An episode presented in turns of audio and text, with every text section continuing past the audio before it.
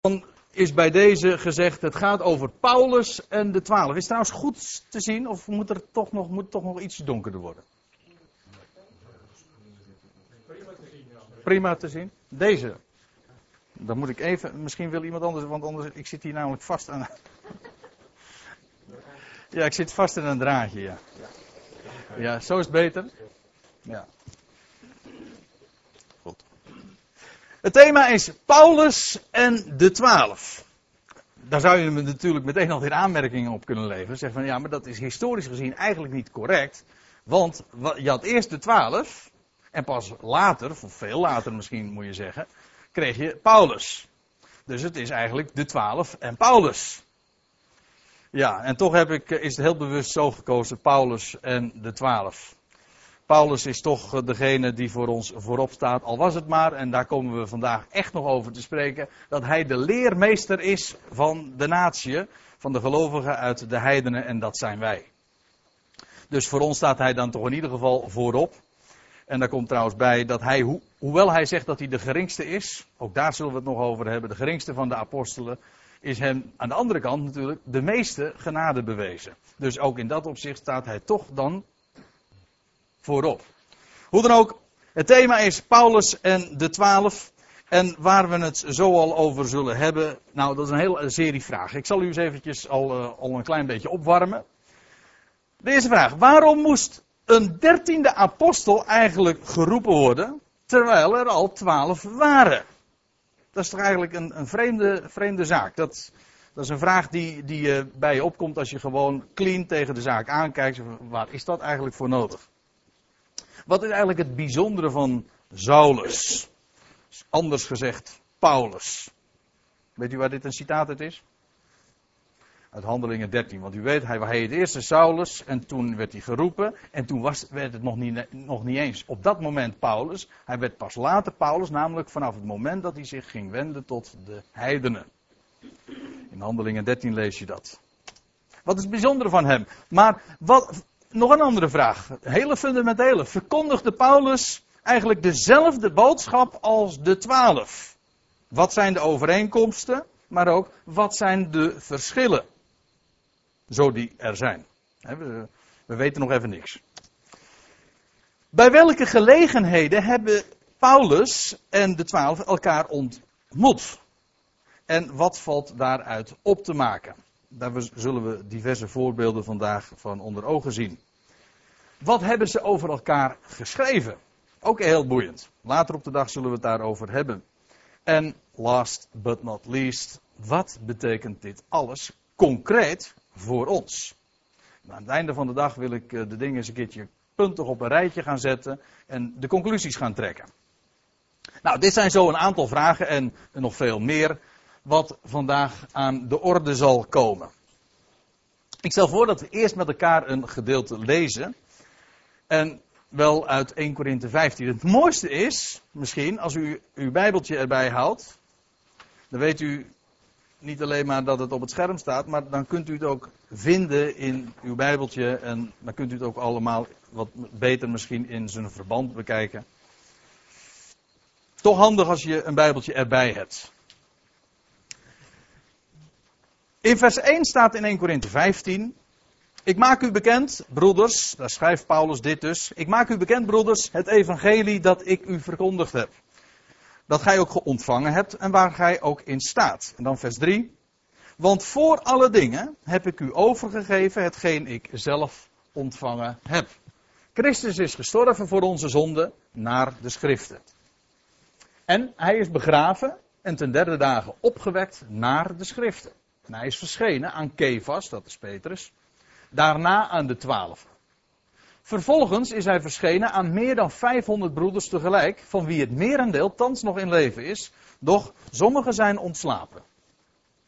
Vervolgens is hij verschenen aan Jacobus, daarna aan al de apostelen, maar het allerlaatst is hij ook aan mij verschenen, als aan een ontijdig geborene.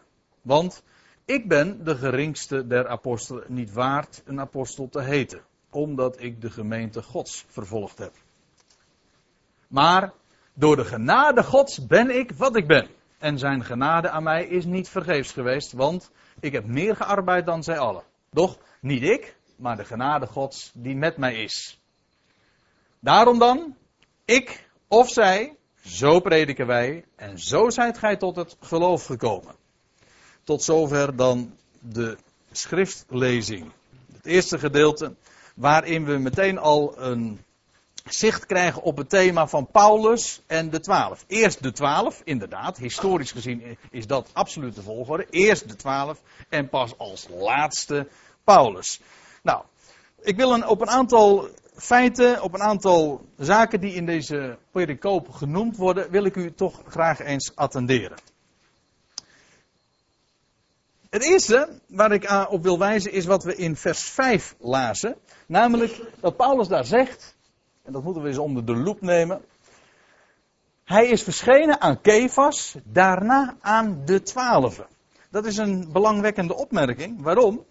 Want daaruit volgt dat Paulus dus geen deel uitmaakt van die twaalf. U zegt, ja dat wist ik al lang. Ja, maar ik zal u vertellen dat dat toch wel degelijk zeer omstreden is. Ik heb bij de voorbereiding, heb ik toch nog wel het een en ander gelezen.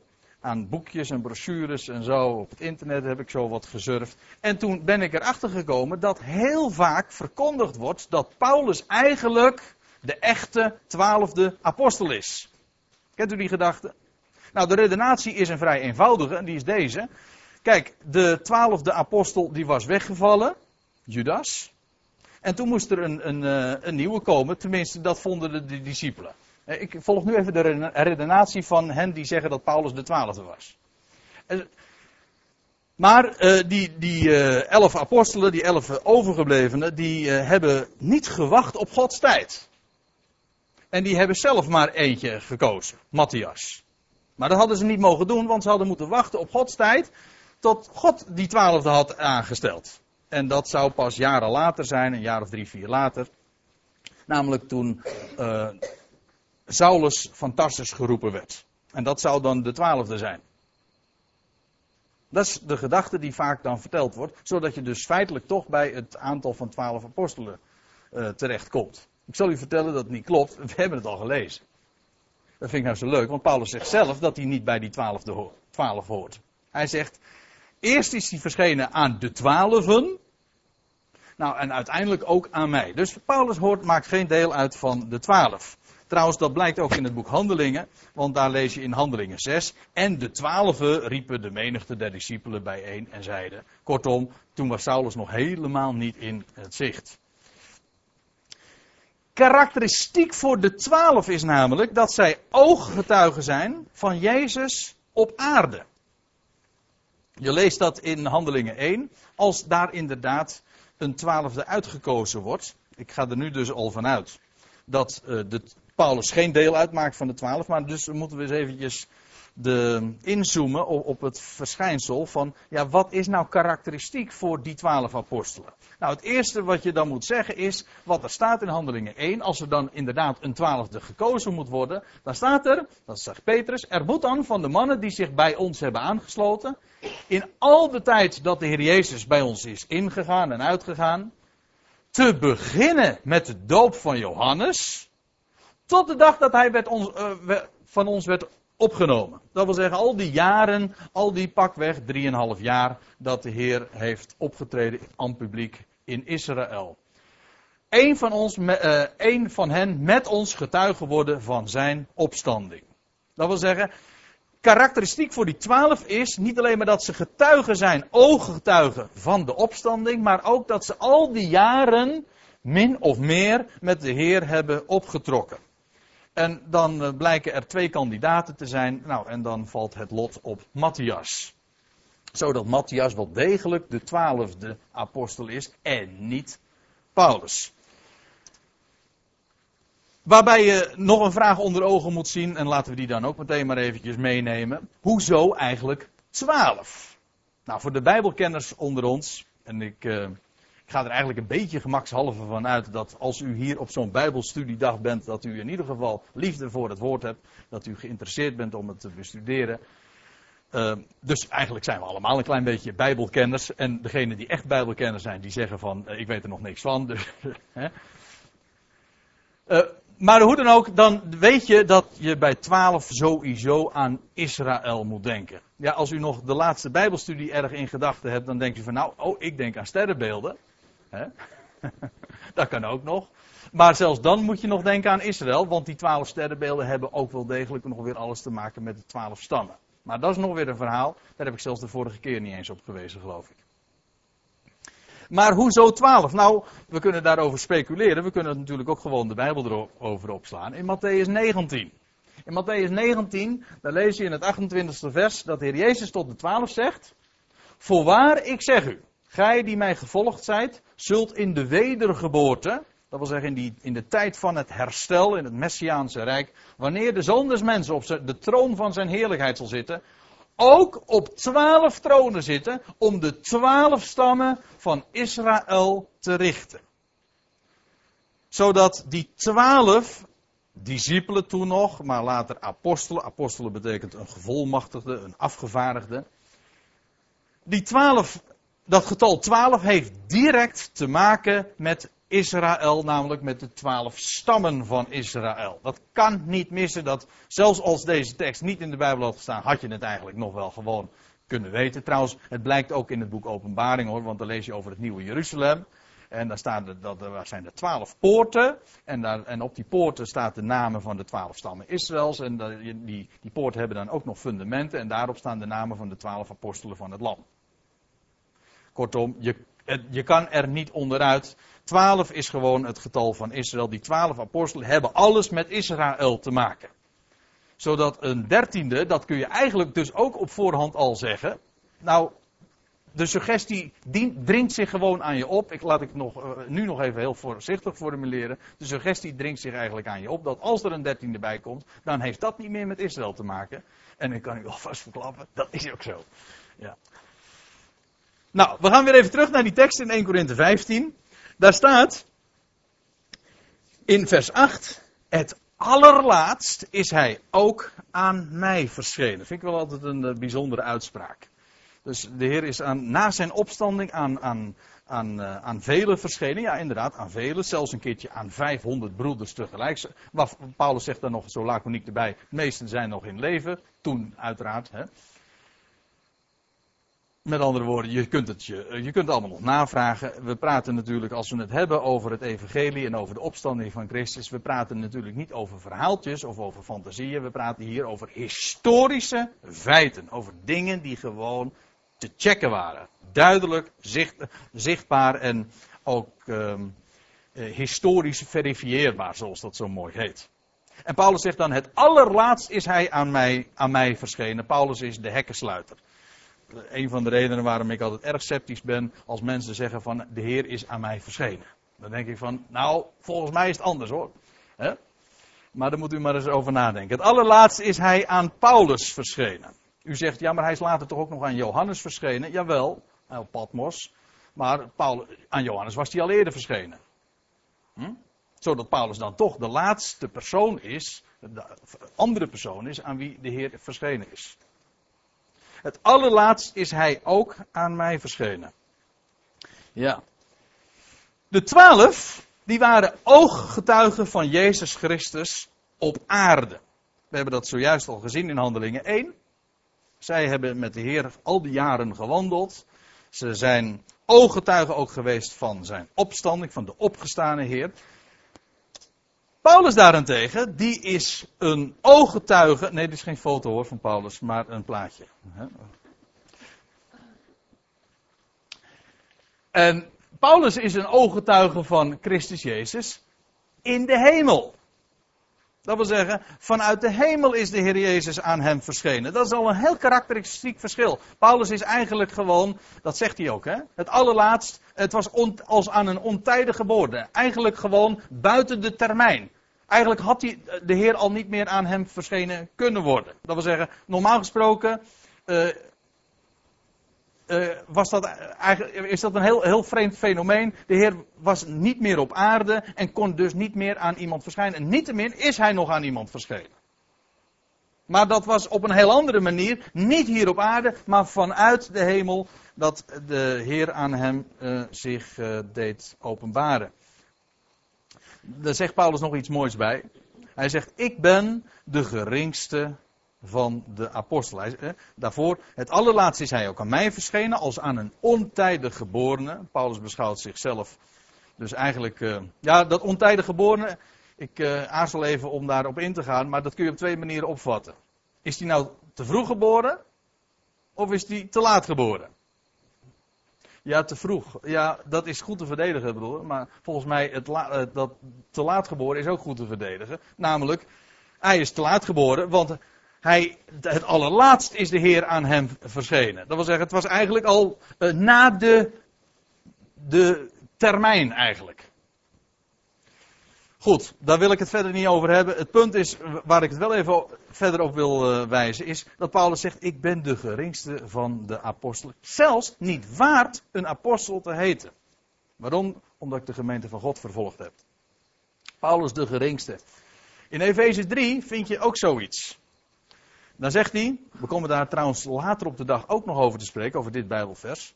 Maar daar staat dat Paulus zegt, mij, verreweg de geringste van alle heiligen, is deze genade te beurt gevallen om aan de heidenvolkeren, de natieën, de onnaspeurlijke rijkdom van Christus te verkondigen.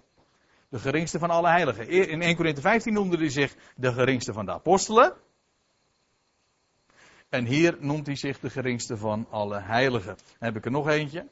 Dan zegt hij in 1 Timotheus 1. Het is een getrouw woord en alle aanneming waardig dat Christus Jezus in de wereld gekomen is om zondaren te behouden, onder welke ik een eerste plaats inneem. Dus Paulus neemt wel een eerste plaats in, maar dan van achteraf, eh, dan van achter uitgerekend. Hè? Dus dan is hij nog de minste. Hij zegt, ik neem onder de zondaren de eerste plaats in. Met andere woorden, want dat is de suggestie in dit vers. Christus Jezus is in de wereld gekomen om zondaren te redden. Ik ben de belangrijkste zondaar. De eerste der zondaren. Er blijkt hoop voor mij te zijn. Met andere woorden, er is hoop voor alle mensen. En als je het niet geloven wil, dan moet je nog een paar hoofdstukken doorbladeren. En daar zegt Paulus het gewoon ook expliciet. Dan zegt hij ook weer van dit is een getrouw woord en alle aanneming waardig. Hierop hebben wij onze hoop gevestigd, namelijk dat de levende God en redder is van alle mensen. Inderdaad, dus de conclusie die zich hier al in dit vers aan je opdringt, die blijkt gewoon een paar hoofdstukken later gewoon expliciet bevestigd te worden. Paulus de geringste, jawel, maar aan hem is de meeste genade bewezen. En hij, niet alleen maar aan hem persoonlijk, maar hij is vervolgens ook een demonstratiemodel. En vervolgens ook een kanaal waardoor God het woord van genade, juist via hem, wereldkundig maakt. Ja, daar is echt over nagedacht. We gaan weer terug even naar de tekst in 1 Korinthe 15. Want Paulus zegt daar dus: Ik ben de geringste van de apostelen, niet waard een apostel te heten. En dan zegt hij: Omdat ik de gemeente van God vervolgd heb. Ja, nou, als we dat in het boek Handelingen nou nalezen, dan zien we in Handelingen 9 dat, dat daar geschreven, dit geschreven staat in vers 3. En terwijl hij daarheen op weg was, dat wil zeggen naar Damascus, geschiedde toen hij Damascus naderde, dat hem plotseling licht uit de hemel omstraalde en ter aarde gevallen, hoorde hij een stem tot zich, tot zich zeggen, Saul, Saul, waarom vervolg je mij? Hij zegt, ik heb, hij was een vervolger van de gemeente Gods. Maar de Heer confronteert hem, of uh, confronteert Paul, uh, Saulus met zichzelf. En dan is de eerste vraag die tot hem komt: waarom vervolg je mij? Met andere woorden, hij vervolgde de gemeente Gods, maar feitelijk vervolgde hij gewoon Christus. Maar dan, en daarin zit in wezen al weer een hint naar dat de waarheid die Saulus, later Paulus, ging openbaren, namelijk dat Christus en de gemeente gewoon één zijn. Hij vervolgde de gemeente Gods, maar dat is Christus. Dat is één, dat is één lichaam. Moet u maar eens lezen in 1 Korinthe 12, daar wordt het heel, heel sterk gezegd. Want gelijk het lichaam één is en vele leden heeft en al de leden van het lichaam, hoeveel ook, één lichaam vormen, zo ook Christus. Dus daarin is hoofd en lichaam eigenlijk niets anders dan Christus. één. De gemeente Gods is gewoon Christus zelf. En in wezen zie je dat de eerste de beste vraag, de eerste de beste zin die tot Saulus komt als hij geroepen wordt, daarin ligt, zit in de kiem al de waarheid verborgen die hij juist zo naar voren zou mogen brengen, die de Heer ook via hem ook geopenbaard heeft. En waarvan akte, zal ik, zal ik maar zeggen. Oh, en dan nog zo'n mooie zin in vers 10, 1 Korinthe 15. 1, daar staat in vers 10, maar door de genade Gods, vind ik een prachtige zin. Ik, zal, eh, ik, ik, ik hou er altijd weer van om, om dit, deze, dit vers te lezen. Want daar schrijft Paulus, maar door de genade van God ben ik wat ik ben. Door de genade van God ben ik wat ik ben. En zijn genade aan mij is niet vergeefs geweest, want ik heb meer gearbeid dan zij allen. Paulus was, zichzelf, was erg zelfbewust. Hè? Ik heb meer gearbeid dan zij allen. Dan al die, dan, die, die twaalf, of wie dan ook. Ik heb meer gearbeid dan ze allen. Maar zegt hij, vergis je niet, niet ik, maar de genade Gods die met mij is.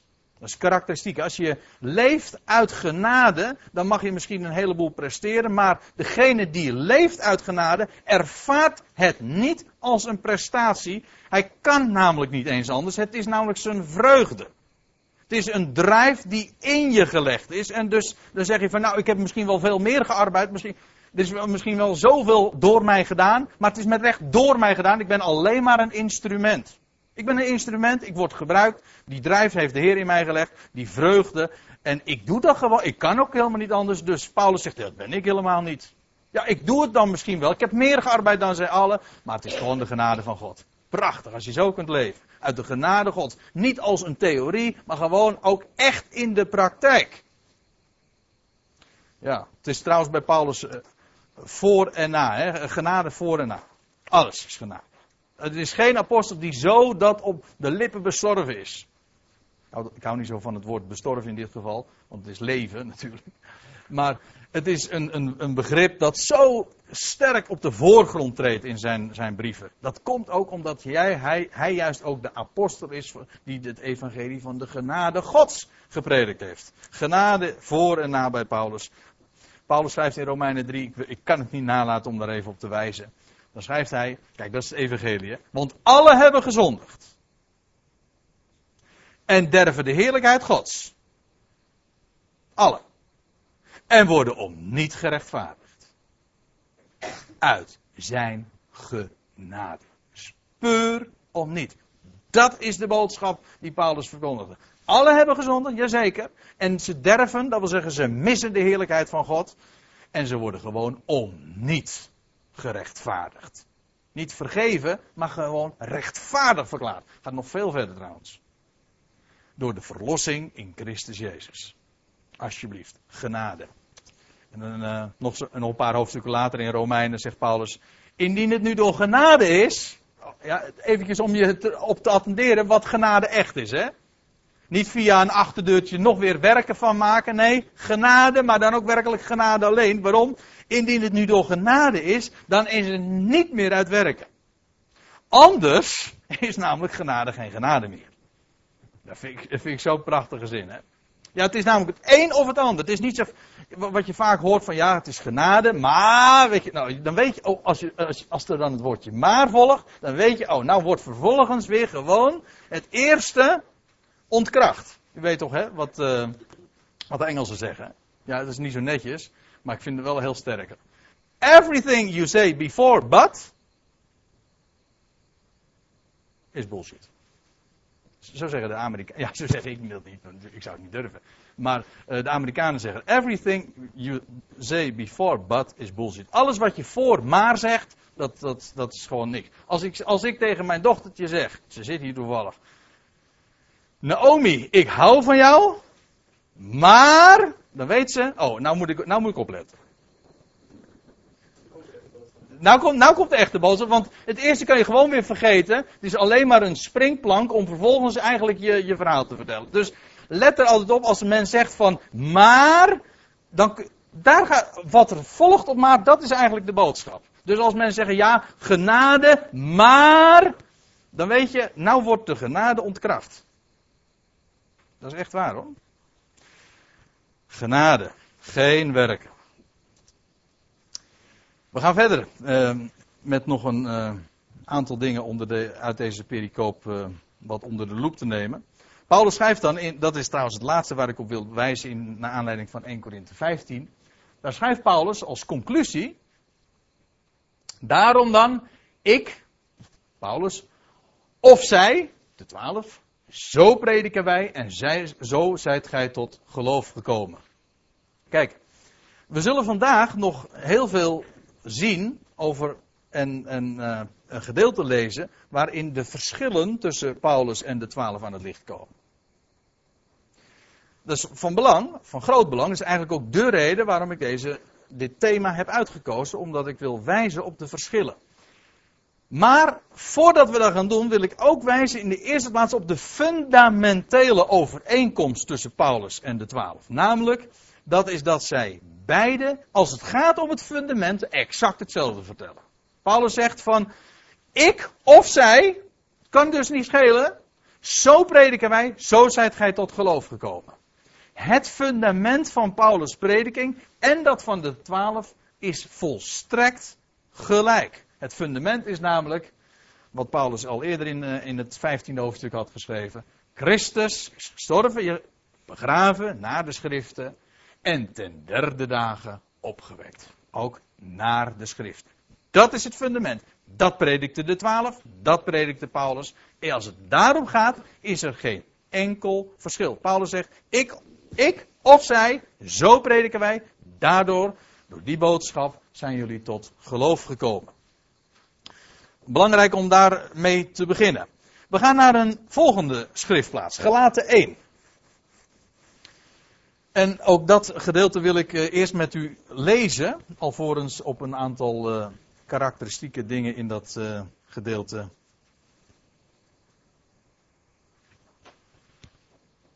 te attenderen. Galaten 1, vers 11. Daar schrijft Paulus dit. Want ik maak u bekend, broeders, dat het evangelie, het welk door mij verkondigd is, niet is naar de mens. Want ik heb het ook niet van een mens ontvangen of geleerd, maar door openbaring van Jezus Christus. Want gij hebt gehoord van mijn vroegere wandel in het Jodendom. Ik heb de gemeente Gods bovenmate vervolgd en getracht haar uit te roeien. En in het Jodendom heb ik het verder gebracht dan vele van mijn tijdgenoten onder mijn volk. Als hartstochtelijk ijveraar voor mijn voorvaderlijke overleveringen. Maar toen het hem, die mij van de schoot van mijn moeder aan afgezonderd en door zijn genade geroepen heeft, behaagd had zijn zoon in mij te openbaren, opdat ik hem onder de heidenen verkondigen zou, ben ik geen ogenblik te raden gegaan met vlees en bloed. Ook ben ik niet naar Jeruzalem gereisd tot hen die reeds voor mij apostelen waren, maar ik ben naar Arabië vertrokken en vandaar naar Damascus teruggekeerd. Daarop ging ik drie jaar later naar Jeruzalem om Kefas te bezoeken en ik bleef vijftien dagen bij hem. En ik zag geen andere van de apostelen dan Jacobus, de broeder des Heren. Tot zover even dit gedeelte. Later in deze dag zullen we ook gewoon verder lezen, namelijk hoofdstuk 2, waar Paulus opnieuw spreekt over ontmoetingen die hij gehad heeft en, uh, met de twaalf of met één van hen. En zijn bezoek aan Jeruzalem. Maar laten we eerst nu eens dit gedeelte ook bezien. Wat Paulus zegt in dit gedeelte, de, de hele teneur is, en dat brengt hij meteen in het, uh, eerste uh, in het elfde vers van de, dit hoofdstuk uh, ook naar voren. Hij zegt, ik maak u bekend broeders, dat het evangelie, welk door mij verkondigd is, niet is naar de mens. En dan, geeft hij ook aan waarom dat zo is. Hij zegt, ik heb het namelijk niet van een mens ontvangen of geleerd, maar door openbaring van Jezus Christus. Dat is de clue wat hij eigenlijk wil, wil vertellen in die eerste hoofdstukken van het boek, uh, van de, de brief aan de Galaten. Niet van een mens ontvangen. Paulus spreekt dan ook in zijn brieven op verschillende plaatsen over mijn evangelie. Heel eigenaardig, hè? Mijn evangelie. Alsof die daarmee wil zeggen, dat is de boodschap die ik speciaal mag vertellen. Mijn evangelie. Hij schrijft in Romeinen 16, hem nu, die bij macht is u te versterken, naar mijn evangelie en de prediking van Jezus Christus naar de openbaring van het geheimenis, eeuwenlang verzwegen, maar thans geopenbaard. Ja, was namelijk hem geopenbaard. De verborgenheid, of zoals dat in de nieuwe vertaling dan heet, het geheimenis, wat natuurlijk precies hetzelfde is. Mijn evangelie. Hij zegt in vers, uh, in vers 12 vervolgens, van, uh, van Galaten 1. Hij zegt, ik heb het niet van een mens ontvangen of geleerd, maar door openbaring van Jezus Christus. Het is dus niet zo dat, dat Paulus het uh, heeft vernomen van een van de twaalf, dat hij door de prediking van een, of, uh, van, een van de ooggetuigen tot geloof gekomen is. Nee, zegt hij, ik ben door, het is door openbaring van Jezus Christus gebeurd. Waarbij ik een aantal vragen eens uh, wil stellen en tevens ook het antwoord wil geven. De eerste vraag. Hoe vond dat plaats? Nou, we hebben daar al eventjes uh, op even aan gedacht. Het antwoord is vanuit de hemel.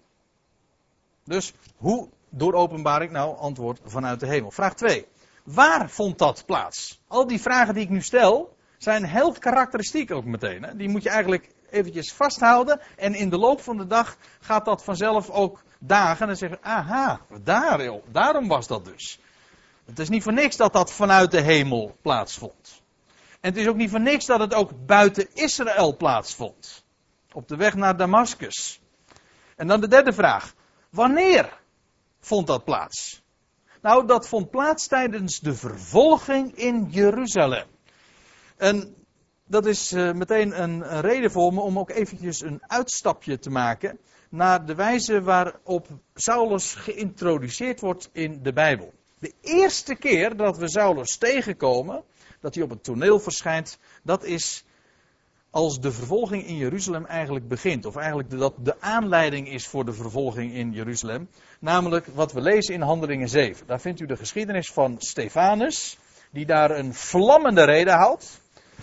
Waardoor de, de Joodse leidslieden in elkaar krimpen, mag ik wel zeggen, en buitengewoon boos worden. En dan, dan lees je in vers 57 aan het einde van het hoofdstuk. Zij begonnen luidkeels te roepen, te schreeuwen en stopten hun oren toe en stormden als één man op hem, dat is dus Stefanus, los.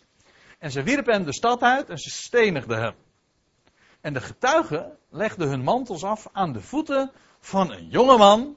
Dat is de eerste keer dat hij, eh, dat hij in de Bijbel genoemd wordt, dat hij geïntroduceerd wordt. En ze legden hun mantels af aan de voeten van een jongeman Saulus genaamd.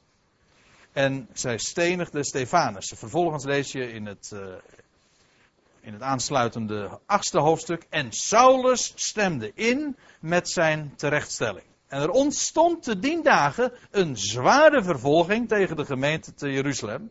En alle werden verstrooid over de streken van Judea en Samaria. Met uitzondering van de apostelen. Die bleven dus gewoon in Jeruzalem. Ze moesten eigenlijk weg. Iedereen, er ontstond een zware vervolging. Dus iedereen die verspreidde zich gewoon over uh, de streken van Judea en, uh, en Samaria. Maar de twaalf die bleven in Jeruzalem. Ja, want waarom Jeruzalem? Nou, het antwoord is niet zo moeilijk hoor. Jeruzalem moest zeggen: gezegend hij die komt in de naam des Heren, toch? Ja, je leest ik heb daar geen diaatje van, maar. Uh, precies. Jeruzalem gaat het gebeuren. Jeruzalem, dat was de stad die tot geloof zou moeten komen. Je leest ook dat de Heer Jezus aan het einde van zijn leven zegt. Van, uh, dan, dan trekt hij zich terug uit Jeruzalem en dan gaat hij naar de Olijfberg toe. En dan zegt hij tegen Jeruzalem: hij zegt, Jullie zullen me vanaf nu niet meer zien. U leest dat in, aan het einde van uh, Matthäus 23. Jullie zullen, jullie zullen me nu niet meer zien. Maar dan zegt hij, totdat gij zult zeggen, gezegend hij die komt in de naam des Heeren. Dat wil zeggen, jullie zullen me weer opnieuw zien, Maar dan is de situatie totaal gewijzigd. Want dan zal, dan zal Jeruzalem zeggen: Gezegend hij die komt in de naam des Heren. Dat wil zeggen, dan zullen, jullie, dan zullen jullie mij verwelkomen. Dan hebben jullie je omgekeerd. Vandaar dat die, die, die apostelen in Jeruzalem bleven. Want Jeruzalem moest dat gaan zeggen. Jeruzalem moest, zou zich bekeren. Ik kom daar later op de dag nog uh, uitgebreider uh, op terug. Want het is een heel belangrijk punt ook. In verband met ons onderwerp. De twaalf en, en de apostel Paulus. Hier wil ik er even op wijzen dat, dat Saulus geïntroduceerd wordt op het moment dat de afwijzing van Israël, meer specifiek Jeruzalem, zich gaat aftekenen. Jeruzalem die er gewoon niet uh, het evangelie, Jeruzalem dat uh, de stad is waar het evangelie zo duidelijk gepredikt werd met vele wonderen en tekenen, lees je in die eerste hoofdstukken. Het werd met grote kracht ook aangekondigd en je leest Jeruzalem wilde daar niets van weten.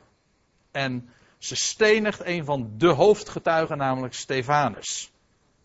En, dan lees je er nog bij, Saulus stemde in, toen nog een jonge man. Uh, ja, nou ja, wat is nog een jonge man? Het wordt heel uitdrukkelijk erbij gezegd, dus uh, ik stel me zo voor, dat is een, een, een man van een jaar of eh, twintig geweest of zo. Nog een jonge kerel. Saulus stemde in met zijn terechtstelling. Met andere woorden, Saulus was inderdaad die grote vijand. Hij, we hadden het al eerder gezien. Hij was de vervolger van de gemeente Gods. Want Saulus, voor Saulus is, was deze uh, steniging van Stefanus zelfs nog de aanleiding om nog veel heftiger tekeer te gaan. Want Saulus was echt de kampioen als het gaat om de vervolging hoor. Hier was het nog zo dat hij uh, min of meer een hulpje was. Hè? Hij uh, verzamelde de, de, mantels, maar hij stemde ermee in. Maar hij ging nog driftig verder. Hij, ging overal, stad en land, ging hij af om, uh, om mensen te arresteren die geloofden in Jezus de Messias. En hij ging zelfs naar het buitenland toe. Hij heeft geraast. Moord en, hoe het? Moord en doodslag heeft hij gebrieste. Uh, die staat, staat er zoiets, geloof ik, in handelingen. Uh, als het gaat om de gemeente Gods. Uitroeien. Hij wilde de gemeente Gods uitroeien. Echt zo'n vijand. Vandaar ook dat hij zegt: Ik ben de eerste der zondaren. Ik ben niet eens. Laat staan dat ik waard zou zijn om een apostel te heten. Dus echt een vijand.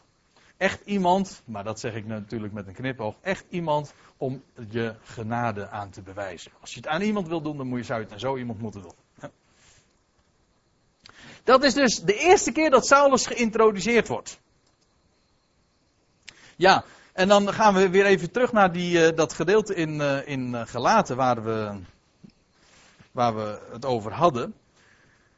Saulus was ge, al uitverkoren van de schoot van zijn moeder. Hè? We lezen dat in vers 15 van Gelaten 1. Het, maar toen het hem, de Heere God dus, die mij van de schoot van mijn moeder aan afgezonderd had. En door zijn genade geroepen heeft. Dan heb je het weer, genade. Ja, dat was met recht genade uh, door zijn genade geroepen heeft, behaagt dat zijn zoon in mij te openbaren, opdat ik hem onder de natie verkondigen zou.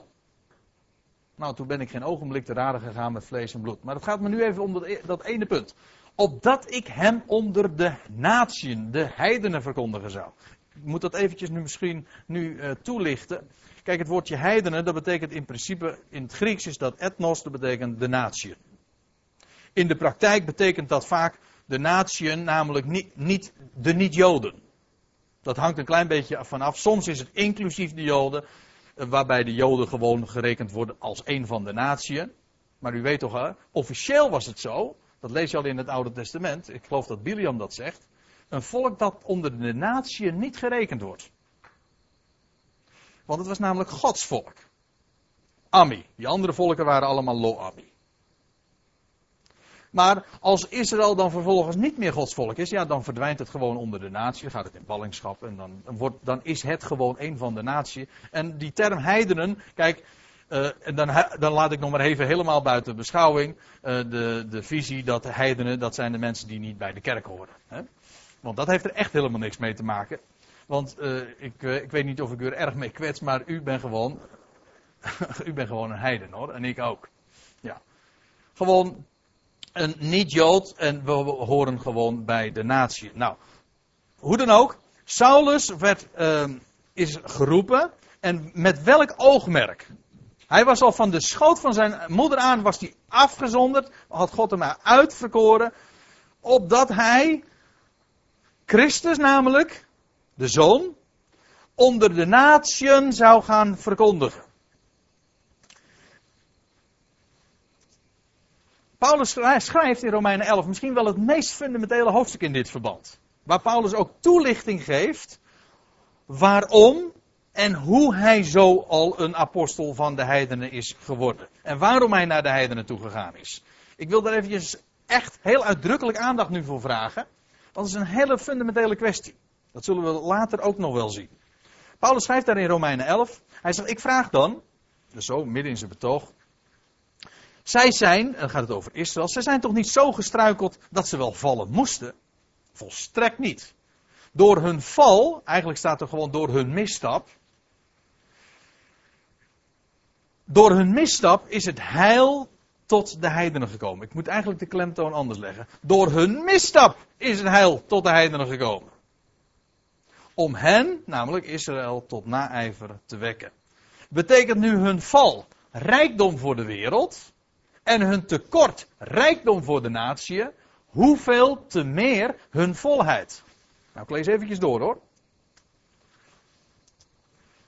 Daar staat, hij gaat gewoon verder. Ik spreek tot u heidenen, tot uw natie, juist omdat ik apostel der heidenen ben, acht ik dit de heerlijkheid van mijn bediening. Dat ik zo mogelijk de naijver van mijn vlees mocht opwekken, dat wil zeggen mijn, mijn soortgenoten, zeg, mijn volksgenoten, mijn, eh, de Joden, en enigen uit hen behouden. Want indien hun verwerping, dat wil zeggen dat de Israël de Messias werd, als dat nou de verzoening der wereld is, wat zal hun aanneming dan anders wezen dan leven uit de doden? In dit, dit gedeelte brengen, wacht even. In dit gedeelte brengt Paulus onder woorden hoe het heil, hoe de boodschap van redding onder de natie gekomen is. Namelijk door Israëls val. Je kunt dat trouwens ook gewoon nalezen in het boek Handelingen. Paulus ging naar de natieën, waarom? Nou, omdat Israël het afwees. Je leest dat in eerste instantie, in het boek Handelingen was dat nog de gang van zaken, dat Paulus dan naar de synagoge toe ging, als hij in een of andere stad kwam. Dan ging hij naar de synagoge, predikte gewoon, Jezus is de Messias, wordt stevast wordt hij eruit gegooid en wordt hij uh,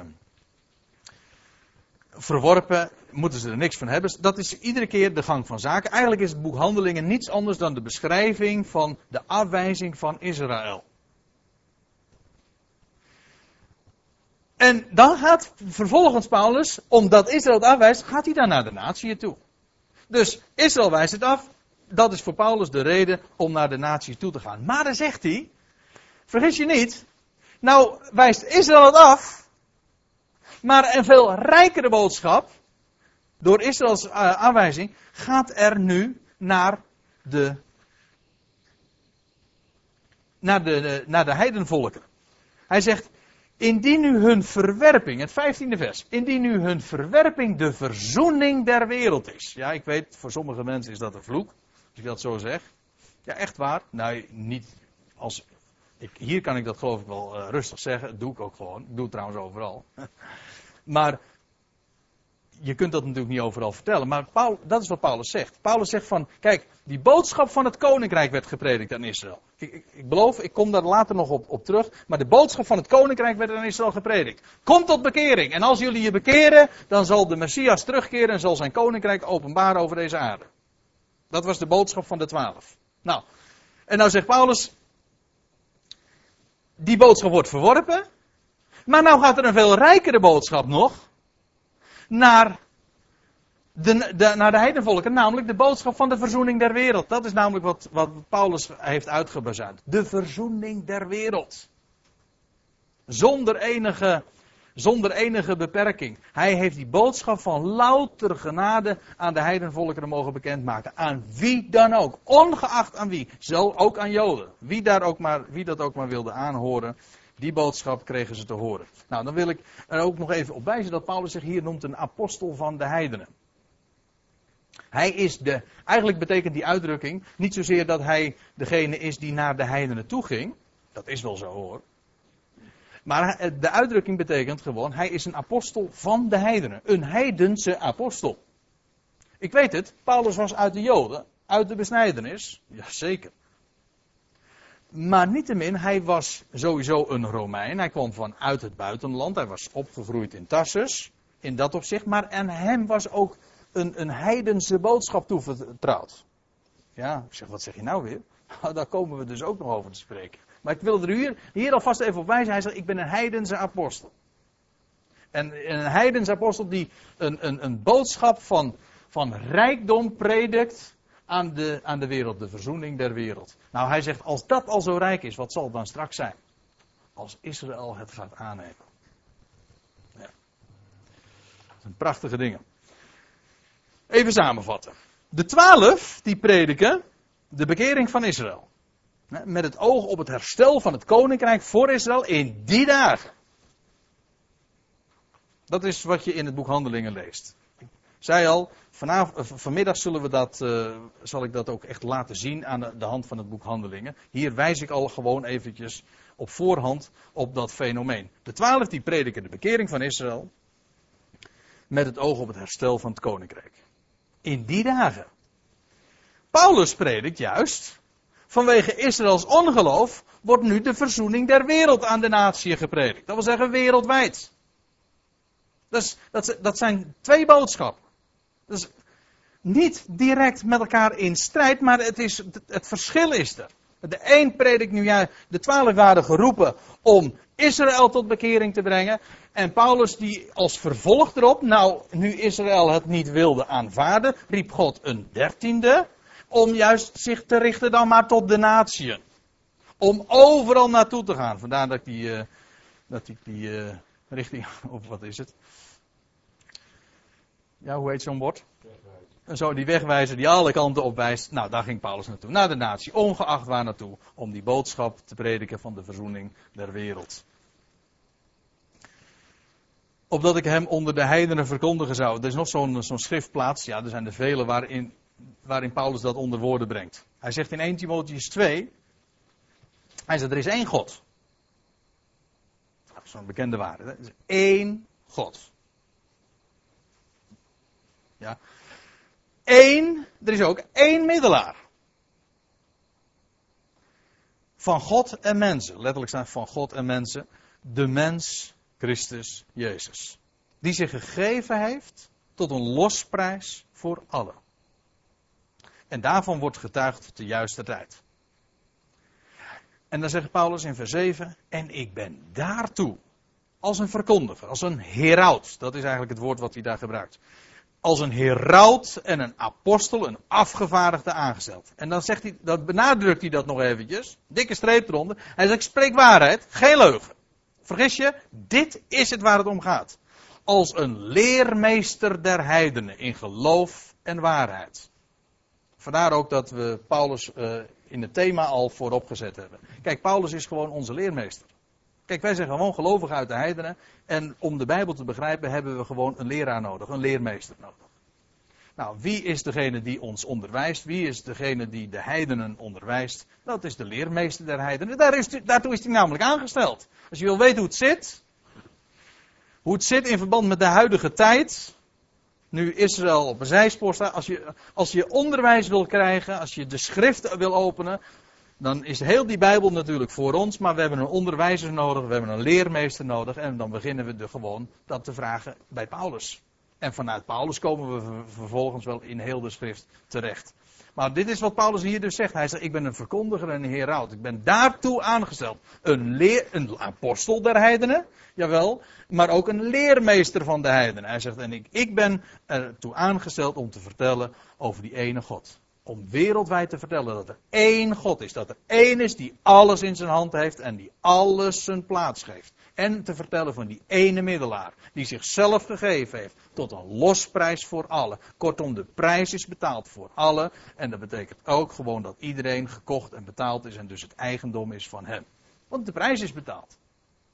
Nou, Paulus zegt, en ik, ik ben daartoe aangesteld om dat te vertellen, om dat te herauten. Dat mag verteld worden. Dat is de boodschap van louter genade. Elk mens is het eigendom van hem, omdat de prijs betaald is. De losprijs is betaald voor allen. Nou, dat is de kern, de basis eigenlijk van het onderwijs van de leermeester der heidenen. Geweldige boodschap. We gaan er weer even terug naar dat uh, gedeelte in, uh, in Galaten. Want daar hadden we het dus over. Daar schrijft Paulus nog iets anders. Nog wat meer. Hij zegt. Uh, opdat ik hem onder de heidenen verkondigen zou, vers 16. Hij zegt. Toen ik geroepen werd, hij zegt, ben ik geen ogenblik te raden gegaan met vlees en bloed. Je zou verwachten dat hij direct, nadat hij geroepen was, meteen linea recta naar Jeruzalem zou zijn gegaan en zich had aangemeld bij de twaalf en, gezegd, en dat hij zijn excuus zou hebben aangeboden en dat hij door het stof zou zijn gegaan. Niets van dat al. Hij zegt, ik ben niet naar Jeruzalem gereisd tot hen die reeds voor mij apostelen waren. Hij zegt, ik ben naar Arabië gegaan. En vandaar weer naar Damascus teruggekeerd. Begrijpt u nog steeds eventjes, daar wil ik nog even op attenderen, wat de lijn van het betoog is. Wat Paulus gewoon zegt, ik heb het dus niet van een mens ontvangen, ik heb het ook niet van een mens geleerd. En dat onderstreept hij dan vervolgens door te zeggen van ja, ik ben toen ik geroepen ben, ben ik ook dus ook niet naar Jeruzalem gegaan, ook niet naar degene die voor mij al apostelen waren. Daar, hij zegt, ik ben gewoon naar Arabië gegaan. Ja.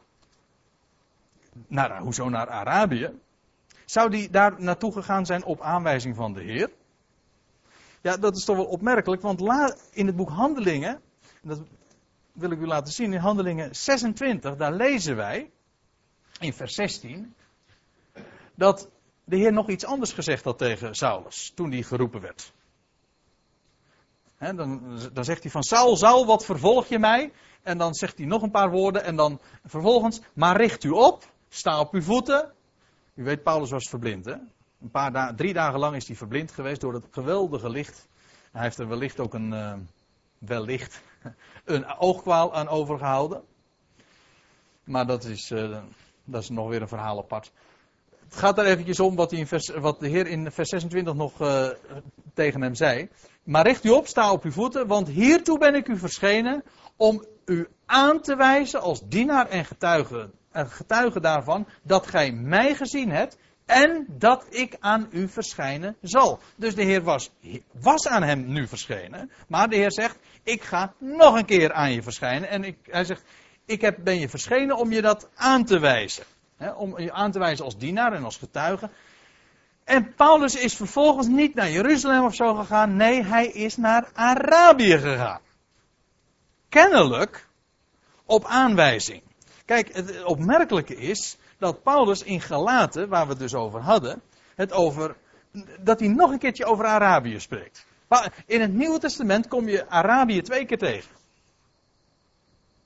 In het, uh, ja, in het hele Nieuwe Testament kom je hem twee keer tegen. En dan lees je in Galaten uh, eh, 4 het nog een keertje. En daar lees je dat Paulus schrijft over de wetgeving. En dan schrijft hij over de berg Sinaï in Arabië. Voor ons een beetje een merkwaardige locatie, want wij zeggen van dat hoort toch tegenwoordig bij Egypte, maar Paulus zegt de berg Sinaï in Arabië. Nou, ik heb er een pijltje naar gewezen, daar wordt het, daar wordt het aangewezen. Daar is, heeft de wetgeving plaatsgevonden. En de suggestie dringt zich gewoon aan je op dat Paulus gewoon niet. Uh, nou ja, nee, de suggestie dringt zich niet aan je op we weten gewoon, hij is niet naar Jeruzalem gegaan, hij is naar Arabië gegaan. En dat is hetzelfde, de, dezelfde locatie waar de Heer ooit aan Mozes de wet had gegeven. En zijn uh, eigenlijk, ja, waar de bedeling, zoals we dat dan noemen, uh, van de wet is begonnen. Waar God aan, aan Mozes, de, via Mozes aan Israël de wet heeft toevertrouwd. En Jaren later is Saulus fantastisch geroepen en is linea recta naar Arabië toegegaan. En de Heer is hem daar kennelijk verschenen. En heeft hem zo het een en ander duidelijk gemaakt. En Paulus had natuurlijk ook een heleboel te, te overwegen en uh, om zich te bezinnen. Want hij moest alles wat hij tot dusver geleerd had. En Paulus was een zeer geleerd man. En hij had aan de voeten van Gamaliel gezeten. Hij had een zeer hoge opleiding genoten. We hebben het zojuist trouwens ook in Gelaten 1 gelezen. Hij zegt, ik heb het verder geschopt. Nee, ik heb het verder gebracht dan, dan, dan vele van mijn tijdgenoten onder mijn volk. Hij was dus hij was een, een, een, een orthodoxe Jood, een, een briljante student. En die buitengewoon fanatiek daarin was. En juist aan hem is de Heer verschenen. En de Heer zegt, eh, ga, jij naar Arabië toe? En ik, Paulus is daar gewoon in naar een, uh, de woestijn ingetrokken. En Paulus moest alles weer ja, opnieuw overwegen. En alles wat hij tot dusver geleerd had, moest hij in een heel nieuw licht gaan plaatsen. En ik ben ervan overtuigd dat hij, eh, dat hij zo ook in de, uh, in de Bijbelstudie gedaan heeft en de schriften heeft onderzocht. En de Heer is hem, hoe dan ook, dat is wat zeker is, is hem verschenen. En zo God, zoals God, en dat is wat ik eigenlijk ook wil zeggen, zoals God ooit aan Israël de wet heeft gegeven, zo heeft hij ooit ook de waarheden uh, van de gemeente en de waarheden die Paulus heeft bekendgemaakt, heeft hij die ooit uh, aan Paulus bekendgemaakt en wellicht gewoon op dezelfde plaats. In Arabië namelijk. Goed. Daar wilde ik u even op wijzen. Ik, ik, herinner me dat we trouwens eerder dit seizoen daar al eventjes het ook over gehad hebben. Ik wil uh, vervolgens weer teruggaan naar de Galaten 1, want daar schrijft Paulus. Uh, vervolgens ging ik drie jaar later, nog, ging ik pas drie jaar later naar Jeruzalem dus. Paulus, Saulus is geroepen, hij is hier nog steeds Saulus. Hij werd geroepen en hij is naar Arabië toegegaan. De Heer is hem verschenen daar. De Heer heeft hem uh, veel duidelijk gemaakt, ongetwijfeld. Maar pas drie jaar later ging hij naar Jeruzalem toe. Nou, laat ik eventjes om een idee te geven, een globale tijdslijn geven, dan zie je dit. In het jaar 30 vond, dat is het jaar waarin uh, de grote gebeurtenissen hebben plaatsgevonden in de historie, namelijk dat de Heer Jezus is gekruisigd, gestorven, begraven en opgestaan uit de doden. En op de vijftigste dag daarna vond de beroemde Pinksterdag plaats. Dat was in het jaar 30 van onze jaartelling. 30 anno domini. Een jaar of drie later, vermoedelijk drieënhalf jaar later, vond de steniging van Stefanus plaats. Dat is dus in het jaar 33 geweest. Nog weer een paar jaar later, twee jaar later, is Saulus geroepen op de weg naar Damascus. Toen nog een jonge man dus ook. Dan, vind je zijn, dan lees je over zijn verblijf in Arabië, waar verder weinig van bekend is, of zo goed als niks, behalve dan dat de Heer daar aan hem uh, verschenen is. En uiteindelijk verschijnt, uh, gaat Paulus drie jaar later, dus drie jaar na zijn roeping, gaat hij naar Jeruzalem toe. Daar heeft dus nog een hele tijd tussen gezeten, voordat hij naar Jeruzalem toe is gegaan. En dan vind je wat, die, wat er dan plaatsvond. Uh, in vers 18 staat er dan: Daarop ging ik drie jaar later naar Jeruzalem om Kefas te bezoeken. Hij zegt: En ik bleef vijftien dagen bij hem. En ik zag geen ander van de apostelen dan Jacobus, de broeder des Heren. Nou. Moet ik even iets over vertellen, want wat er eigenlijk staat, er staat in de, onze vertaling, ik ging Kefas bezoeken. Hè? Nou, dat woordje bezoeken, dat is niet het juiste vertaalwoord. In het Grieks staat er het woordje historio. Maar ons, je ziet trouwens nog uh, wat uh, wij, een, een, woord herken je erin, wat wij wel kennen, namelijk story. In Concordant Version staat dan ook to relate my story. Mijn verhaal te vertellen. Dus, eventjes teruggaan. Daarop ging ik drie jaar later naar Jeruzalem om Kefas niet zozeer te bezoeken, nee, mijn verhaal te vertellen. De gedachte is namelijk juist, kijk, wat Paulus in dit hele gedeelte wil aangeven is, hij zegt, ik heb het niet van het evangelie wat ik vertel, hij zegt, het is me niet door een, dat is me niet verteld door een mens. Het is me ook niet door een mens verder uh, geleerd. Hij zegt nee, het is door openbaring van Jezus Christus zelf. Alles wat Paulus vertelde, had hij niet uit tweede hand. Het was rechtstreeks door openbaring. Dat is ongelooflijk belangrijk. Dus, dus een hele. Uh, dat is dus een verhaal apart. Staat los van de twaalf. Hele compleet los van de twaalf. Paulus zegt, ik ging pas jaren later, nou ja, jaren later, drie jaar later, ging ik naar Jeruzalem toe. Hij zegt, ik ging naar, naar, eh, naar Jeruzalem toe om Kefas, dus Petrus, te bezoeken. Ja, maar niet om dan vervolgens geleerd te worden door Kefas. En dus, want er staat nog bij, ik bleef 15 dagen bij hem. Je zou zeggen van nou, dan kan kan, had uh, Paulus nog een heleboel kunnen vertellen. Ja, dat is ook zo. Maar dat was juist, Paulus wil juist zeggen van, nou ik heb 15 dagen de tijd gehad om mijn verhaal aan hem te vertellen. Zo was het. Dus het is niet zo van, Paulus, het, de hele betoog wil juist aangeven dat Paulus zegt van, wat ik te vertellen heb, is rechtstreeks, is rechtstreeks terug te voeren op openbaring. Dus onthuld door Jezus Christus vanuit de hemel aan mij. Heeft niets met een mens te maken. Ook niet met de twaalf, niets met Jeruzalem. Later komen we trouwens nog tegen dat hij helemaal niet graag naar Jeruzalem toe ging. Eigenlijk allemaal om te onderstrepen dat zijn verhaal of zijn boodschap stond daar gewoon los van. Daar stond er echt los van.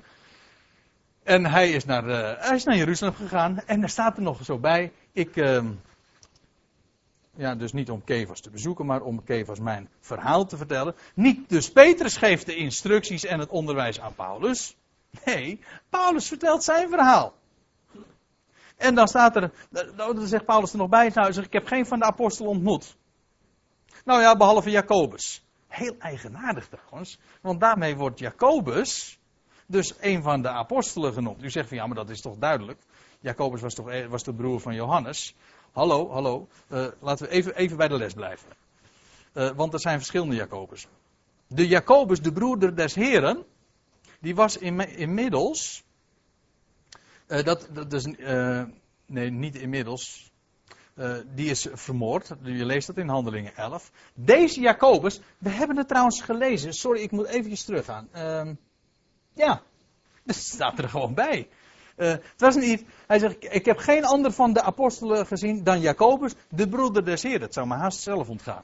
Er staat hier erbij, de broeder des Heeren. Niet de broer van Johannes, nee, de broeder des Heeren. En die broeder des Heeren, dat is, ja, die wordt hier uh, gezien als, uh, beschreven als een van de apostelen. Het blijkt ook hoor, iedere keer treedt Jak, Jacobus op de voorgrond. Het is Petrus die op de voorgrond treedt, of Jacobus. Terwijl die, strikt genomen, niet één van de twaalf was. Maar toch representeerde hij hem. Eigenlijk is het zo dat Jacobus, als je nu puur praat over aardse lijnen en, uh, en erfrecht, dan zou je kunnen zeggen dat uh, Jacobus als oudste broer van Jezus, want Jacobus was de oudste broer van Jezus, dat weten we uit de Evangelie, uh, eigenlijk de erfgenaam was van zijn, van zijn broer die inmiddels verdwenen was. Zo was het toch?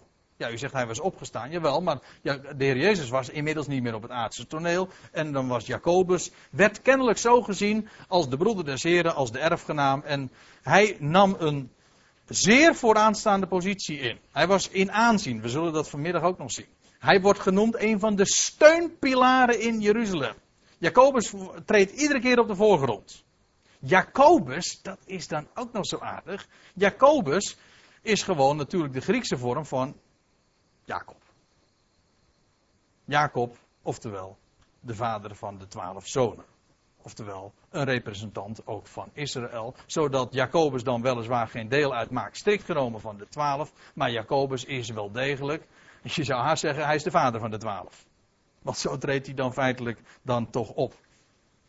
En wat, eh, wat, eh, wat Paulus dus uh, zegt, hij zegt, nou ik ben drie jaar later, na, nadat ik geroepen ben, ben ik naar Jeruzalem gegaan. Hij zegt, ik heb, ik heb mijn verhaal toen verteld. Hij zegt, ik heb niemand van de apostelen gezien. Oh ja, ik heb Jacobus gezien.